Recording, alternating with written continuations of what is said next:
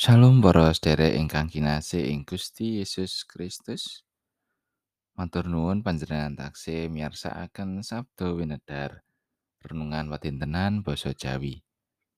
Sesarangan ing wekdal menika kita badhe ngekilut sabdanipun Gusti. Kita ndedonga langkung rumiyin. Duh Gusti Allah Rama kawula ing swarga mulya saha langgeng. Kawula ngaturaken agenging panuwun syukur Duh Gusti. Awit sakathahing berkah pangrimat paduka ing gesang kawula. Gusti ing wekdal mirunggan menika kawula nyawisaken manah kawula badhe nampi sabda pangandika paduka. Mugi Suci paring pepadang ing manah kawula. Satemah kawula saged mangertosi menapa ingkang paduka kersakaken ingkang kedah kula lampahi. Tasih kathah dosa kalepatan kawula ing ngarsa paduka Gusti. Mugi paduka kersa paring pangaksami. Wonten ing asmanipun Gusti Yesus Kristus, Gusti lan Juru Wilujeng kawula ingkang gesang. Amin. Waosan kapendet saking Injil Lukas bab selikur ayat kalih dosa ngantos sekawan likur. Menawa kowe nyumurupi kutha Yerusalem kakepung ing wadyabala. Mangertiya yen gempure wis cedhak. Ing nalika iku wong-wong kang ana ing tanah Yudea padha ngungsia menyang ing pagunungan. Lan wong-wong kang ana ing jero kutha padha sumingkira. Sarta wong-wong kang ana ing padesan aja lumebu ing kutha maneh. Amarga yaiku mangsa tekane piwales kang dadi kayektene sabarang kang wis katulisan kabeh. Nanging mesakake banget para wong kang lagi ngandhek utawa kang lagi nusoni bayi ing wektu iku. Amarga bakal ana kasangsaran gedhe ing saindenging negara lan bangsa iki bakal tampa deduka. Wong-wong mau bakal padha tiwas kena landheping pedhang. Sarta bakal padha kabandang dadi tawananing bangsa-bangsa kabeh. Sarta kutha Yerusalem bakal kaicak-icak dening bangsa kang ora wanuh marang Gusti Allah. Nganti tumeka sarampunge jamane bangsa-bangsa iku.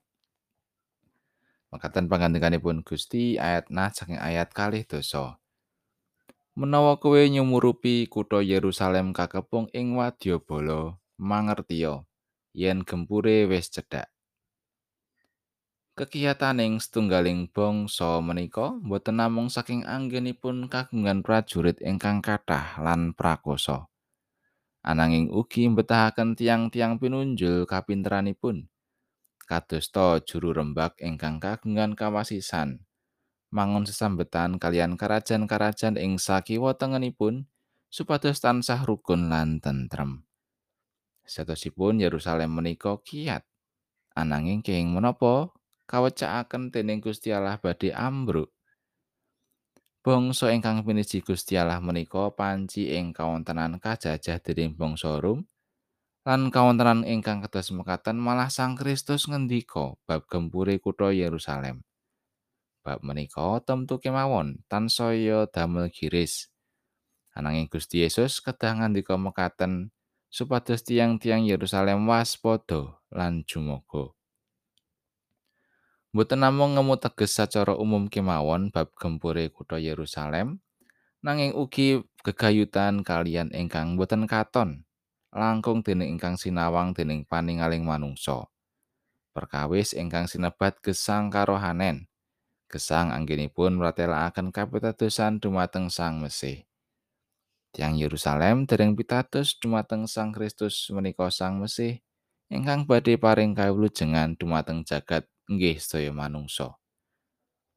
Krana sikap perdulining Gusti Yesus marang tiyang ing kutha Yerusalem, panjenenganipun paring pangandika lan setosipun saged kaangge dening manungsa supados gesangipun wilujeng.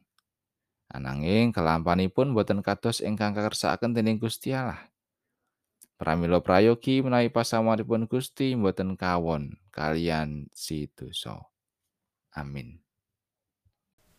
Nalikong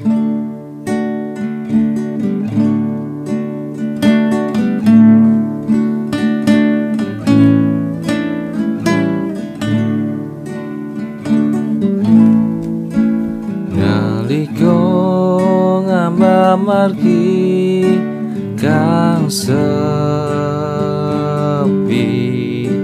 Kiris uas manaku sampuni lar kawula Gusti. Mugi tansah ngamping-ngampingi